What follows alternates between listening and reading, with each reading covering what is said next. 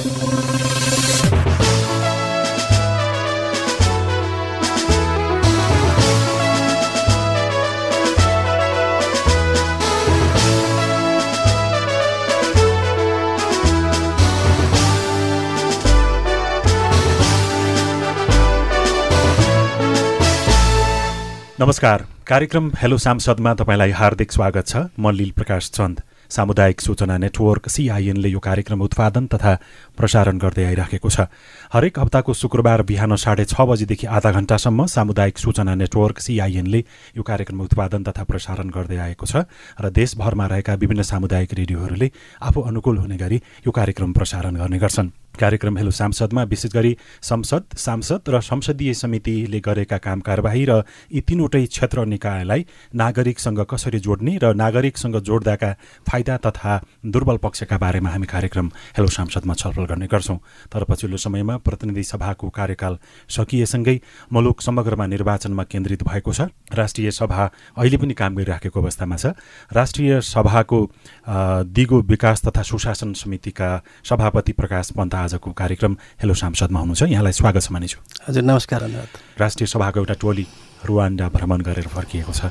के के भयो त्यहाँ? केही कुराहरू सिकेको कुराहरू सुनेको कुराहरू देखेको कुराहरू कस्तो पाइयो त्यहीँबाट छ? रुवान्डाको भ्रमण चाहिँ यो आइपियु भन्ने छ यो इन्टर पार्लियामेन्टरी युनियन भन्ने अन्तर्राष्ट्रिय सांसदहरूको संस्था छ। त्यो सांसदहरूको संस्थाको इन्भाइटेसनमा हामी रुवान्डा गएको हो र त्यसको चाहिँ एक सय तेह्रभन्दा धेरै मुलुकका चाहिँ सांसदहरू रुवान्डामा किगालीमा आउनुभएको थियो।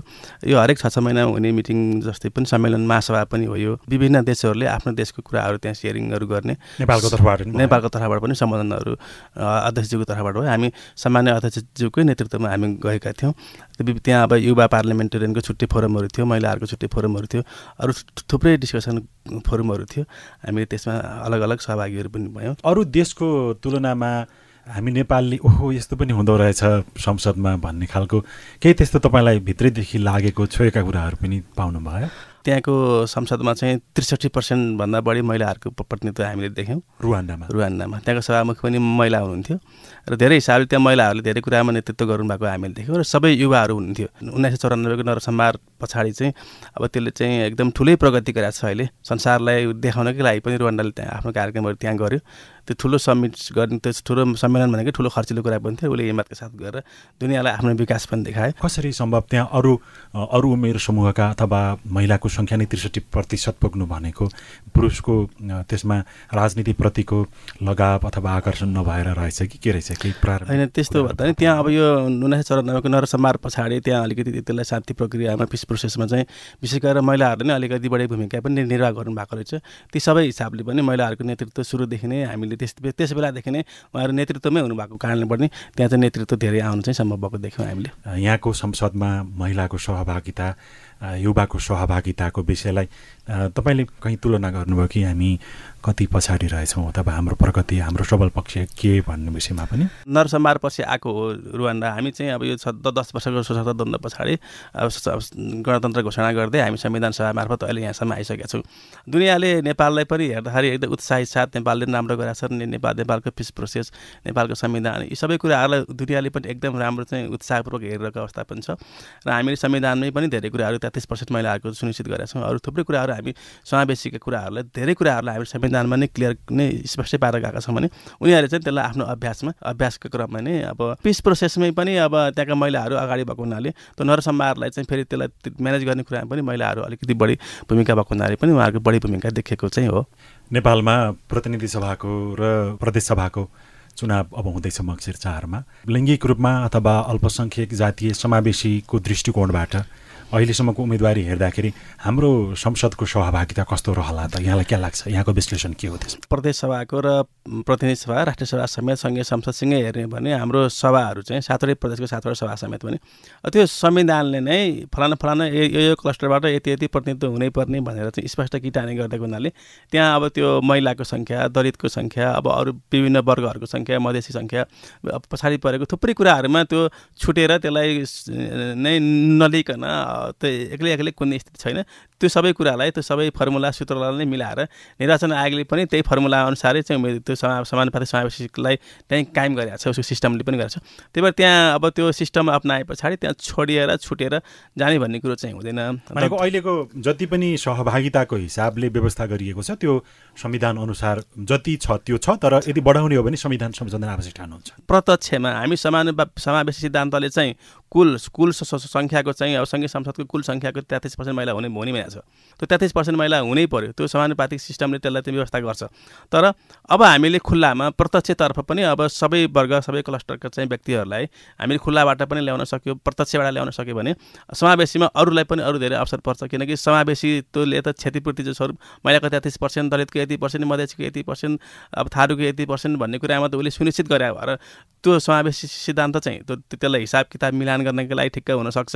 बाहिर चाहिँ समावेशी सिद्धान्त चाहिँ समानुपातिको बेलामा त्यो प्रणालीमा अभ्यास गर्ने तर प्रत्यक्षमा त्यसलाई वास्ता नगर्दाखेरि हामी जति महिलाको कुरा अल्पसङ्ख्यक सीमान्तकृत अपाङ्गता भएका व्यक्तिहरूको सहभागिताको बहस गर्छौँ त्यो चाहिँ कमजोर भयो भन्ने कतिपयको यसमा बहस तर्क छ। यसमा तपाईँ सहमत कि अथवा सहमत मेरो विचार के हो भने अब हामी एकचोटि सांसद भइसकेका मान्छे एकचोटि मन्त्री भइसकेका मान्छे एकचोटि पार्टीको हाई लेभलमा पुगिसकेका मान्छेहरू प्रत्यक्ष मार्फतै चुनाव लड्ने हो।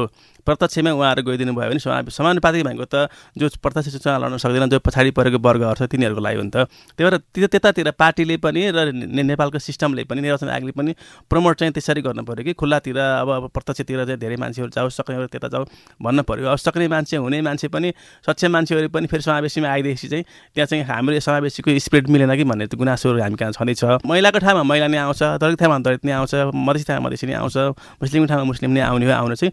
तर त्यहाँ महिलाको आयो मुस्लिमैको आयो दलितको आयो भन्ने पनि मान्छेहरूले हेर्ने भएको हुनाले हामीले समावेशीको स्पिरिटमा खुल्लामा लड्ने मान्छे खुल्ला मार्फत नै र अब त्यहाँबाट आउन नसक्ने मान्छेहरू चाहिँ समान समानुपातिक मार्फत आउनुपर्छ भन्ने कुरालाई हामीले त्यसको स्पिरिटलाई क्याच गर्नु पऱ्यो खालि कसलाई कहाँ राख्ने कसलाई कता अटाउने यत्रो धेरै भिडभाडमा कसरी म्यानेज गर्ने भन्ने त्यो भिडभाडकै म्यानेजलाई होइन कि सिस्टम स्पिरिटकै म्यानेज गर्नु पऱ्यो हामीले। पार्टीहरूले त्यसतर्फ ध्यान दिनु पऱ्यो निर्वाचन आयोगले पनि त्यसतर्फ स्ट्रिक्ट गर्नु पऱ्यो ठुलो भूमिका अथवा महत्त्वपूर्ण भूमिका भनेको त नागरिकै हातमा हो होइन?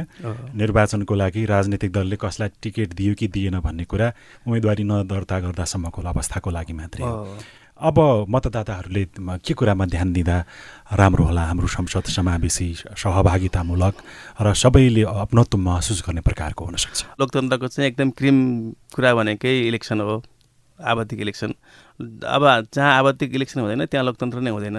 त्यही भएर अब हरेक नेताहरूलाई हरेक चाहिँ जनप्रतिनिधिहरूलाई पाँच पाँच वर्षमा चाहिँ परीक्षण हुनु पऱ्यो त्यो अग्नि परीक्षा हो। त्यहाँ परीक्षण भएर त्यहाँबाट पास भएर त्यहाँबाट उत्तीर्ण भएर चाहिँ आउनुपर्ने भएको हुनाले सार्वभौम जनताहरू नै हुन्। जनताहरूले हाम्रो यो कुरा हो हाम्रो यो विषय हो। यो विषय पाँच वर्षको लागि हामी हामी तिमीहरूलाई चाहिँ हामी चाहिँ अधिकार प्रत्यार्जन गरेको हो। तिमीहरूले जनताको तर्फबाट काम गर भनेर उनीहरूले हामीले भने भने हुन्छ। जनप्रतिनिधिहरूलाई त्यो कुरा भने हुन्छ। उम्मेदवारलाई त्यो कुरा भने हुन्छ। तिनीहरू त्यो अनुसार पाँच वर्षको लागि चाहिँ उनीहरू चाहिँ त्यो अधिकार लिएर आउने हो। त्यहाँ के छ भने जनता आफैमा सार्वभौम हो जनताले अब के हेर्नु पऱ्यो भने नेताहरूको निष्ठाता निष्ठा हेर्नु पऱ्यो इमान्दारिता हेर्नु पऱ्यो पहिला काम गरिसकेका मान्छेहरूलाई पनि फेरि पुनः परीक्षण गर्दाखेरि उसको क्षमता योग्यता उसले संविधान अनुकूल काम गरे गरेन उसको भूमिका के थियो उसले आफ्नो भूमिकामा स्पष्ट भयो कि भएन भनेर कुरा हेर्नु पऱ्यो भने नयाँ नयाँहरूको लागि चाहिँ उसको चाहिँ सम्भावना हेर्नु पऱ्यो उसको स्पिरिट हेर्नु पऱ्यो उसको चाहिँ योजना हेर्नु पऱ्यो उसको चाहिँ अब यो पार्लियामेन्ट्री अभ्यासमा उसले चाहिँ देखेको चाहिँ भिजन। बाहिर चाहिँ मार्केटमा आएर चाहिँ बजारमा चाहिँ भिडभाडमा यो गर्छु त्यो गर्छु त्यो गर्छु त्यो जति पनि अहिले त चुनाव जित्नको लागि सबैले जे जे हुन्छ त्यो सही फन्डाहरू भनिहाल्छन्। उसले गर्न पर्ने कुरा के हो? त्यसले गर्न त्यो सक्छ कि सक्दैन। उसको भूमिका के हो? उसले आफ्नो भूमिकाभित्रका कुराहरूमा यो गर्छ भनेको छ कि आफ्नो भूमिकाले आफू भूमिकाले नै नभ्याउने कुरालाई गर्छ भनेको छ। त्यो कुरा जनताहरूले थाहा पाउनु पऱ्यो बुझ्नु पऱ्यो पुरानै व्यक्तिले पटक पटक दोहोरिएर उसैले चाहिँ राम्रो काम गर्न सक्दैन भनेपछि त जनताले त छनौट गर्न पाउनु पऱ्यो नि त विकल्प त पाउनु पर्यो जनताले छनौट गर्न पाइहाल्छन् त्यो उनीहरूकै हातमा छ त्यहाँ कसैले हस्तक्षेप गर्न सक्दैन। खालि भनेको के भने हाम्रो संविधानले प्रदेश सभा र प्रतिनिधि सभालाई दलीय हिसाबले हेरेका छ। अरू राजनीतिक दलका नेताहरूले अथवा त्यहाँ संसदमा सांसद अरू सांसदको भूमिकाको बारेमा त्यो खबरदारी गर्ने मान्छे त चाहिन्छ होला नि त कहीँ न कहीँ। एउटा सांसद एउटा व्यक्तिले हिजो सडकमा उठाएको आवाज पार्लियामेन्ट संसदमा आएर उठाउन सक्छ? हिजो मिडियामा उठाएको आवाज चाहिँ संसदमा आएर बोल्न उठाउन चाहिँ सक्ने भयो।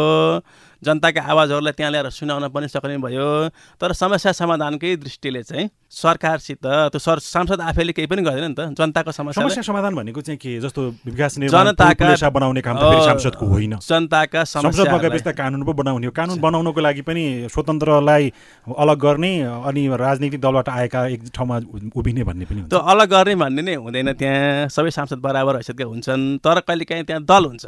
दल कुनै पनि विधेयक पास गर्ने कुरामा त्यो त्यसलाई समृद्ध गर्ने कुरामा अथवा भोलि सरकार बनाउने कुरामा थुप्रै ठाउँमा दल चाहिने भएको हुनाले त्यहाँ दलहरूले फेरि हुइप लाग्छ होइन? सबै हिसाबले त्यहाँ सबैजना चाहिँ एकै ठाउँमा हुन सक्छन्। कहिलेकाहीँ त्यो स्वतन्त्र भनेको चाहिँ एक ठाउँमा अलग्गै एक्लै अलग्गै छुट्टै पनि पर्न सक्छ। खालि उसले संसदबाट आवाज उठाउन सक्छ। नीति निर्माणमा उसले सुझाव दिने सल्लाह दिने आवाज उठाउने जनता सरकार ओभरसाइड गर्ने सरकारको यो भएन त्यो भएन भन्ने जनताको यो यस्तो समस्या भएर त्यो कुरा ल्याउन सक्छ उसले। गफ गर्न भाषण गर्न सक्ने भयो कि खालि काम गर्ने कुरामा चाहिँ कहिलेकाहीँ एक्सेस नहुन सक्छ भन्ने कुरा कहिलेकाहीँ सम्भावनाको कुरा हो यही नै भनेर होइन। अब तपाईँ दिगो विकास तथा सुशासन समितिको सभापति भएको कारणले गर्दाखेरि अहिले दलहरूले कतिपयको त घोषणापत्र अन्तिम चरणमा पुगिसकेको छ। यो समितिको सभापतिको रूपमा घोषणापत्रमा यो दिगो विकास र सुशासनका कुराहरू यसरी राख्ने भन्ने बारेमा औपचारिक अनौपचारिक केही छलफलहरू गर्न पाउनुभयो हुन त तपाईँ भर्खरै सभापति हुनुभएको छ होइन? के छ स्थिति? म अलिकति हामी ढिलै नै सभापति पनि भयो। अब सभापति हुने बित्तिकै दसैँहरू आयो। दसैँ आएपछि फेरि चुनावमा गइसक्यो। हामीले पार्लियामेन्टमै समिति नै बसेर त्यो त्यसरी त हजुरले भने जस्तो गरेर धेरै व्यापक छलफल गर्न चाहिँ हामीले खालि यो बिचमा मान्यजीहरूकै फुर्सद पनि भएन। त्यो खालको भयो। त्यही पनि हामीले औपचारिक अनौपचारिक अरू अरू तरिकाले पनि के भने अब सरकारलाई हामीले अब यो दिगो विकास विकास र सन्तुलित विकास। हामीले हेर्नेको दिगो विकास सन्तुलित विकास र सुशासन हो। अब हामीले युएनकै कार्यक्रम पनि एजेन्डा पनि संसारभरिकै एजेन्डा पनि हो दिगो विकास त भएको हुनाले राष्ट्रिय योजना आयोगदेखि लिएर सरकारवाला मन्त्रालयहरूले नै त्यो अनुसारको चाहिँ आफ्नो योजनाहरू चाहिँ उस उसका हरेक एक्टिभिटीले दिगो विकासको कुन लक्ष्यलाई चाहिँ सहयोग गर्यो सपोर्ट गर्यो भन्ने कुरा उनीहरूले चेक जाँच गरेको हुन्छ। हामीले उनीहरू सरकारलाई त्यो कुरामा पनि हामी खबरदारी गरिरहेको हुन्छ। र अहिले पार्टीहरू भोलि यिनै पार्टीहरूले अहिले घोषणापत्र बनाउँछन् र भोलि तिनी तिनीहरू नै सरकारमा जाने हो र तिनीहरूले नै कार्यक्रम बजेट योजना योजना बनाउने भएको हुनाले सबै पार्टीहरूले ठुला पार्टीहरूले भोलि सरकारमा जाने पार्टीहरूले त कम्तीमा नि दिगो विकासका हिसाबले हाम्रो चाहिँ घोषणापत्रले कुन कुन दिगो विकास लक्ष्यलाई पुरा गर्न सक्छ भन्ने कुराहरूमा त जाँचेर परीक्षण गरेर त्यो इन्डिकेटरलाई नै हेरेर नै घोषणापत्र बनाउनु पर्ने आवश्यकताहरू छ र मैले यो कुराहरू भनिरहेको पनि छु। कहाँ कस्तो अवस्थामा छ त दिगो विकासको लक्ष्य प्राप्त गर्ने नेपालको लक्ष्य? कहाँसम्म पुग्यो भन्ने कुरा त राम्रोसँग बुझ्नु भएको छ। कस्तो छ? तिससम्ममा हामीले भेट्ने खालकै छ कि नेपालको सन्दर्भमा अथवा हामी तुलनात्मक रूपमा अरू मुलुकभन्दा केही पछाडि अथवा सुस्त गतिमा कछुवा गतिमा छौँ भन्ने लाग्छ? तुलनात्मक रूपमा चाहिँ हामी राम्रो छ। हामीले ती सत्रवटा गोलमध्ये केही केही धेरै धेरैवटा इन्डिकेटरमा हाम्रो ग्रिन सिग्नलै राम्रै नै देखिरहेको छ राम्रो देखेछौँ केही केही सिग्नलहरूमा हामी अलिकति कमजोरीहरू पनि छ। केही केही भन्नाले अब यो क्षेत्र यो यो नम्बर यति नम्बरको हुँदा यो विषय भन्ने खालको? जस्तै जलवायुको कुराहरूमा जलवायुका कुराहरूमा चाहिँ अब यो अब यो प्रकोपहरू मनसुनका कुराहरू यिनीहरूमा चाहिँ हामीले हाम्रो क्षमताले मात्रै पनि भ्याउँदैन। यो हाम्रो छिमेकी देशहरू संसारभरिले नै गर्ने नीतिले हामीले गर्छ। त्यसमा पनि हामीले नीति चाहिँ ठिक छ तर रिजल्टहरूमा चाहिँ हामी अब यो मनसुनदेखि लिएर धेरै कुराहरूले अलिकति अब बाढी पहिरो सबै कुराहरू छ। यिनीहरूले हामीले अलिकति डिस्टर्ब यस्तो यस्तो कुराहरूमा चाहिँ जुन हाम्रो देशभित्रको कारणले गर्दा मात्रै हुँदैन नि त्यस्तोमा चाहिँ हामीलाई समस्याहरू छ। जमिन मुनि भनेपछि अब हामी जलमुनि हाम्रो जलमुनि भन्ने हामी कहाँ छैन केही त्यस्तो छ। नत्र अरू अब लैङ्गिक हिसाबले अब यो एजुकेसनको हिसाबले स्वास्थ्यको हिसाबले अरू थुप्रै हिसाबले चाहिँ हाम्रो अरू संसारभरि हाम्रो राम्रो छ नतिजाहरू चाहिँ। तर राजनैतिक दलहरूले घोषणापत्रमा जस्तोसुकै भाषा अथवा जस्तोसुकै बुँदा लेखे पनि दिगो विकास र सुशासन बिनाको घोषणापत्र कसैको पनि हुँदैन होइन? सुशासन त एक नम्बर यो भ्रष्टाचार बनाउँछु भनेर भन्नै पऱ्यो त्यसले कसरी घटाउने त्यो त्यसतर्फ त दलहरूले कमिटमेन्टै गर्नुपर्छ। मलाई कहाँनिर चाहिँ तपाईँसँग कुरा गर्न मन लागेको भने लेख्दाखेरि चाहिँ यति मिठो मिठो ढङ्गबाट यति लामो लामो कुराहरू यति गहिराइमा पुगेर लेख्ने तर त्यो कार्यान्वयनको अवस्था तपाईँ काङ्ग्रेसबाट प्रतिनिधित्व गर्नुहुन्छ यस कारणले मात्रै होइन कि समग्रमा राजनीतिक दलहरूको परिपाटी हेर्दाखेरि। घोषणापत्र लेख्न सजिलो यसलाई कार्यान्वयन गर्न अप्ठ्यारो अथवा लेखेर हुने तर कार्यान्वयन नगरे पनि हुने ढङ्गबाट यो कस्तो अवस्थामा छ? सबै राजनीतिक दलको एउटै स्थिति हो कि? अथवा कुनै राजनीतिक दलको यसमा अझ लेखेको कुरा पुरा गर्ने भनेको कुरा पुरा गर्ने त्यो परिपाटीमा अलिक अगाडि पछाडि छन्? पहिला पहिलाको हामीले हेऱ्यो भने त यो सबै गफै लगाएर कसरी भोट धेरै आउँछ ज कसरी जनतालाई भ्रमित पार्ने भन्नेमै धेरै पार्टीको चाहिँ त्यो खालको चाहिँ थियो दृष्टिकोण थियो। अनि पछि सरकारमा गइसके पछाडि आफूले घोषणा पत्रमा के के लेखेँ आएर हामीले विगतकै सरकार हेऱ्यो भने पनि त्यो आफै लेखेको कुरा पनि हेरेनन् दोहोऱ्याएर हेरेनन्। पहिला चुनावमा जाँदा एक थोक बोले लेखेँ अनि सरकारमा आएपछि अर्को थोक लेखेँ अर्को थोक बोले अर्को थोक गरेको पनि हामीले देखेकै छौँ। अहिलेको अब अहिले पुरा गरेन भनेर पनि आइरहेको छ। अहिले अहिले वर्तमान सरकारले त आफूले बनाएको घोषणापत्र लागू गर्नै पाएन। उसले एउटा एउटा एउटा पनि बजेट कम्प्लिटली काम गर्न पाएको स्थिति छैन। अहिलेको अहिलेको घोषणा अहिलेको सरकारको घोषणा पत्र त जसपा सहितको सरकार बन्दाखेरि चाहिँ त्यहाँ पनि साझा घोषणा अब अब अहिले नेपाली काङ्ग्रेसको नेतृत्व भएको अहिले पछिल्लो सरकारमा चाहिँ यो आफ्ना दलका घोषणा पत्र हुँदाहुँदै फेरि मानव एउटा मात्रै राजनीतिक दलको सरकार बन्ने अवस्था छैन। अहिलेसम्म भइरहेको छैन होइन। अनि त्यसो नहुँदाखेरि फेरि अर्को छुट्टै सा साझा घोषणा पत्र भनेर त्यो बनाउनु पर्ने चाहिँ खास के कुरा राख्नको लागि आफ्ना नेता कार्यकर्ता कति कहाँ व्यवस्थित गर्ने भन्ने ढङ्गबाट हो कि अथवा भोलि विकास निर्माणका योजना कार्यान्वयन गर्दाखेरि चाहिँ सरकारमा भएका दलहरूको त्यो नेताहरूको कार्यक्षेत्रमा बढी पठाउनको लागि के का लागि? दलहरू सबैले आफ्नै तरिकाले स्वतन्त्र भएर चुनाव लडेको भए हुँदी उनका आफ्नै घोषणापत्रहरू हुन्थे। आफ्नै घोषणापत्र किन फरक हुन्थ्यो भने यही यही जनता यही भूगोल भए पनि नेपाल देश एउटै भए पनि त्यहाँ घोषणापत्र किन फरक हुन्छ भन्दाखेरि पार्टीको आफ्नो आइडियोलोजीहरू पार्टीको आफ्नो दृष्टिकोणहरू पार्टीको आफ्नो विकासको मोडलहरू त्यो सबै पार्टीहरूले आफ्नो फरक फरक हुन्छ नि त आइडियोलोजी अनुसारको। त्यो अनुसार घोषणापत्र पनि फरक फरक आउँथ्यो।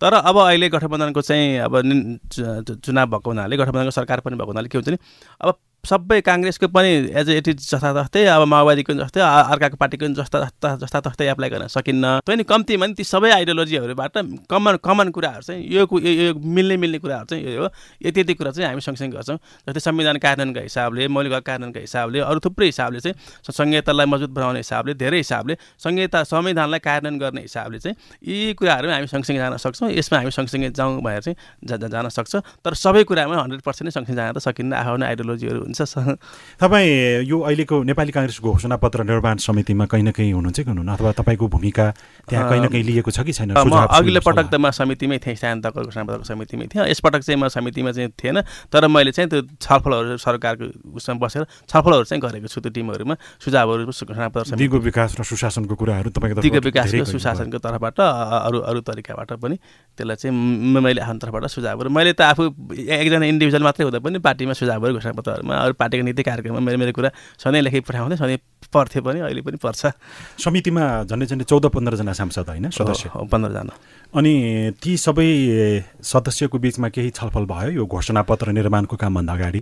आफ्नो पार्टीमा यसरी हाम्रो तर्फबाट चाहिँ आफ्नो होइन घोषणापत्रकै हिसाबले चाहिँ हामी सफल गर्न सकेनौँ दसैँ लाग्ने बित्तिकै अब साथीहरू अब यदि कुदिहाल्नुभयो त्यस पछाडि अलिकति डेभलपिङ भएको घोषणापत्रहरूमा। त्यही भएर त्यो छलफल पनि सुरु भएको थिएन। कतिपय अब अब गर्ने कि अथवा यसपालि यस्तै रह्यो? अब सबै मान्यजीहरू जिल्ला जिल्ला हुनुहुन्छ उहाँलाई मिटिङ काठमाडौँ बोलाएर मिटिङ गर्नै सम्भव छैन। आउनुपर्छ र जस्तो टेलिफोनमा बिस मिनटमा सकिन्छ होला नि।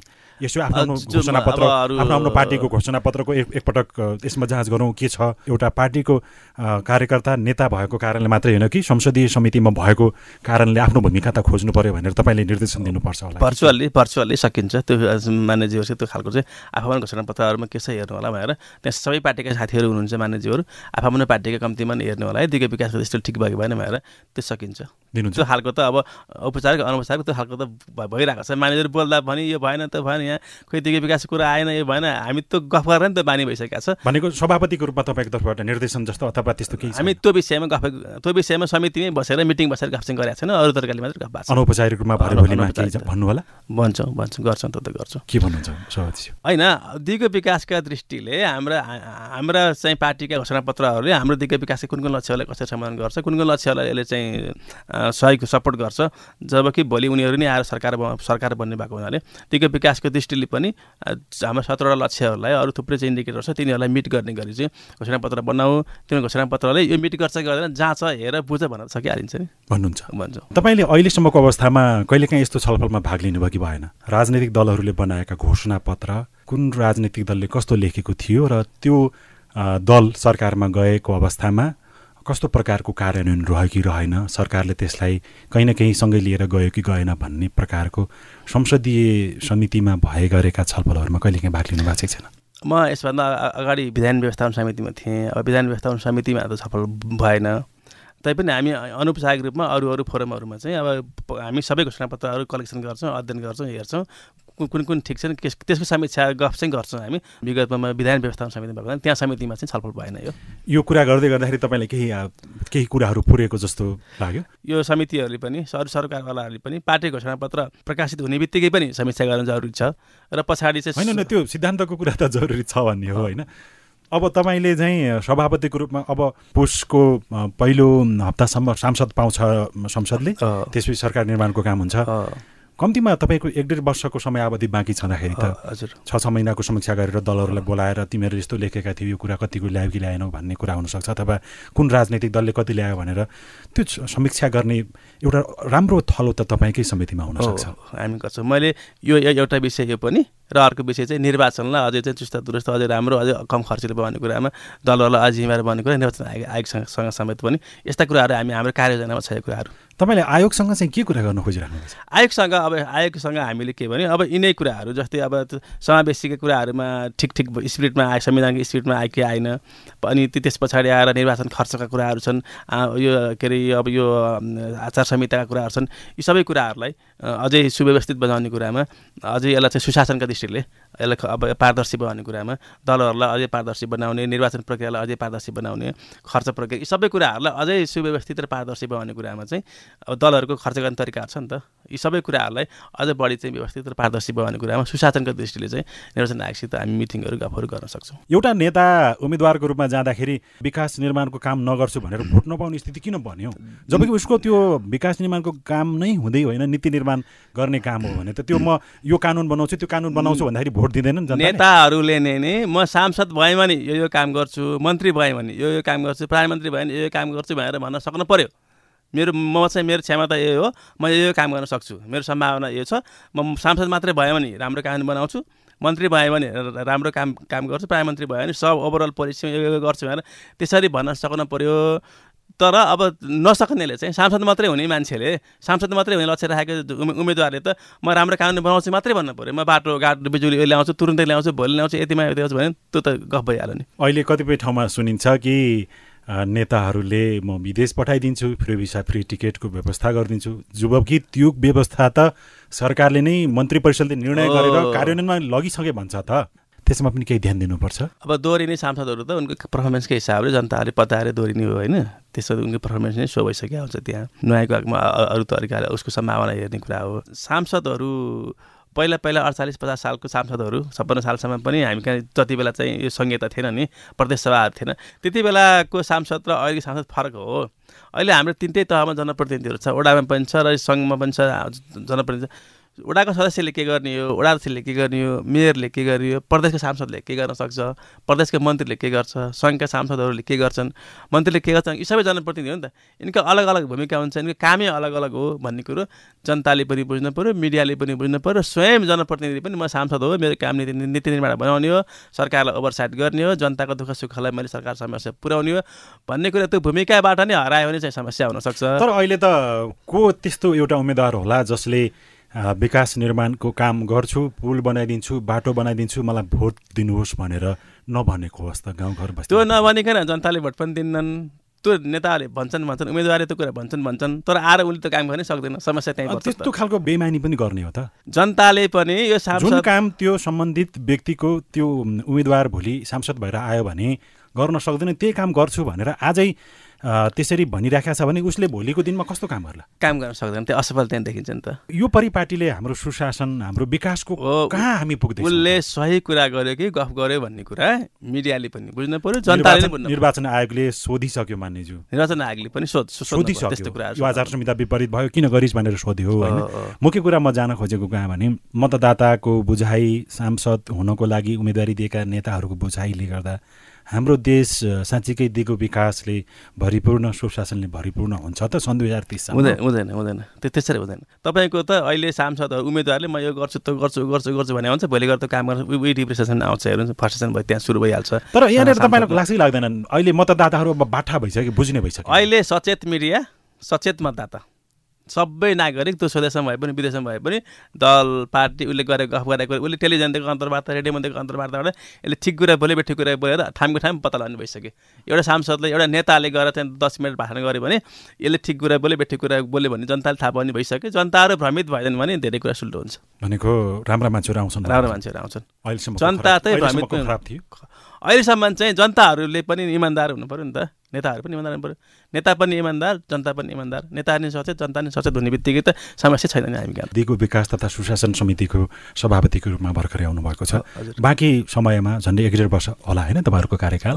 के के गर्ने योजना भइसक्यो कि हामी अब चुनाव चुनाव लागेको छ दसैँ तिहार लाग्यो त्यसपछि मात्रै हामी छलफल गरेर योजना बनाउँछौँ? दसैँ अगाडि नै हाम्रो अठार महिनाको कार्ययोजना हामीले बनाइसकेका छौँ। हामी अठार महिनामा यो सुशासनका दृष्टिले यो गरेँ दिगो विकासका दृष्टिले यो कामहरू गरेँ भन्ने खालको हाम्रो योजनाको चाहिँ एक किसिमको खालकोहरू हामीले बनाइसकेर नै हामी दसैँमा बिदा बिदा भएको हो। अब मङ्सिरको चार गतेभन्दा यता मान्यजीहरू काठमाडौँमा उपलब्ध हुन समस्या भएको हुनाले चार गते यता चाहिँ हामी मिटिङहरू रेगुलर भन्न सक्दैनौँ औपचारिक रूपमा पनि कार्यक्रमको समीक्षा तर त्यस पछाडि समितिलाई अर्थपूर्ण बनाउने किनभने निर्देशन त समितिले दिन्छ तर दिएको निर्देशन नमाने पनि हुन्छ भन्ने जस्तो त्यो परिपाटी सरकारमै देखियो होइन विगतको अभ्यासले। यसलाई अलिकति तपाईँको कार्यकालमा केही म यो चाहिँ गर्छु भन्ने लागेको छ मेरो अठार महिनाभित्र जतापाति त्यही कुदिनँ सुशासन र दिगो विकासका दृष्टिले ठ्याक्क ठ्याक्क कहाँ कहाँ समस्या छ। केही चापाचोडा राम्रो रिजल्ट निकाल्ने कोसिसहरू गर्नेछु। कार्ययोजना पनि बनाइसकेका छ। एउटा कुरा। अर्को कुरा के छ भने सरकारको निर्देशन सरकारले निर्देशन निर्देशन मान्दैन। पार्लियामेन्टको निर्देशन सरकार निर्देशन मानेन भन्ने कुरो जनमानसमा त देखिरहेको छ। हामीले पनि कतिवटा निर्देशनहरू सहयोग पनि गरे हुन्छ तर निर्देशनहरूको नभएको हामी देख्छौँ। तर अब हामीले सांसदहरूले पनि आफ्नो निर्देशन निर्देशन दिने ढङ्ग पुऱ्याउनु पऱ्यो आफ्नो कार्यक्षेत्रभित्र बसेर निर्देशन दिनु पऱ्यो अब कार्यपालिका न्यायपालिका व्यवस्थापक तिनवटा छ नि अङ्गहरू। एउटाले अर्कोलाई नमिस्ने गरी निर्देशन दिनु पऱ्यो नि त। आफ्नो क्षेत्र अधिकारभित्र बसेर निर्देशन दिनु पऱ्यो कहिलेकाहीँ उस उसकै कार्यपालिकै काम गर्न खोजेर हामीले काम गर्न खोज्यो भने त्यो पनि राम्रो हुँदैन। यी सबै कुराहरूलाई विचार गरिकन ढङ्गपूर्ण तरिकाले पार्लियामेन्टले पनि र संसदले समितिहरूले पनि सरकारलाई निर्देशन ढङ्ग पुर्याएरै दिनुपर्छ। र ढङ्ग पुर्याएर दिएको निर्देशन पनि सरकारले पालना गर्नै पर्छ। यी कुराहरूलाई हामी त्यो कुराहरूलाई पनि हामी समिति समिति बिचका कोर्डिनेसनहरू यी कुराहरूलाई पनि हामीले समन्वय गरेर अगाडि बढ्ने त्यसलाई लेखेका छौँ। हाम्रो योजनामा छ ती कुराहरू। हस् समय दिनुभयो कुराकानीको लागि। धेरै धन्यवाद छ हुन्छ प्रकाशजी हजुर सहित अब यो मिडिया अब मलाई यहाँ आएर यो आफ्नो केही कुराहरू सेयरिङ गर्ने अवसर दिनुभयो। अब इमान्दार जनता र इमान्दार नेता भयो भने हामी धेरै कुरा गर्न सक्छौँ अनि सुशासनका दृष्टिले हामीले भ्रष्टाचारलाई न्यूनीकरणलाई घटाउने र जिरो नै पार्नुपर्छ। ती कुराहरूमा अहिलेका दलहरूबाट कमिटमेन्ट आओस् दिगो विकास सन्तुलित विकास र सुशासनका दृष्टिले घोषणापत्रहरू बनोस् जनताहरूले पनि ती कुराहरू बुझुन्। अनि हामी अगाडि बढ्न सक्छौँ। हामी धेरै कुराहरू पनि राम्रो गरेका छौँ। खालि अलिकति हाम्रो चाहिँ त्यो पिकअप मात्रै नआएको संसारले हामीले राम्रो तरिकाले हेरेको अवस्थाहरू पनि छ हाम्रो पनि राम्रो राम्रो विशेषताहरू पनि छन्। त्योहरू सँगै मिलेर गयो भने जसरी संविधान निर्माण गर्ने शक्तिहरू एकै ठाउँमा बसेर संविधान जारी गरे त्यसै गरी केही वर्ष यिनै संविधान निर्माण गर्ने शक्तिहरू सँगसँगै मिलेर यसको कार्यान्वयन गऱ्यो भने त्यस पछाडि फेरि दलीय हिसाबले आफू आफ्नो आइडियोलोजीमा जता कुदे पनि हुन्छ। संविधान कार्यान्वयन चाहिँ सबैले सँगसँगै नै गर्न जरुरी छ। आजको कार्यक्रम हेलो सांसदमा हामीसँग। दिगो विकास तथा सुशासन समितिका सभापति प्रकाश पन्त हुनुहुन्थ्यो। उहाँसँग गरिएको कुराकानीसँगै कार्यक्रम हेलो सांसदको समय सकिएको छ। हामी अर्को अङ्कमा फेरि अर्को विषयको छलफल लिएर उपस्थित हुनेछौँ। तबसम्मको लागि प्रविधिमा साथ दिने सुरेन्द्र सिंहलाई धेरै धन्यवाद दिँदै लील प्रकाश चन्दलाई पनि बिदा दिनुहोस्। नमस्कार।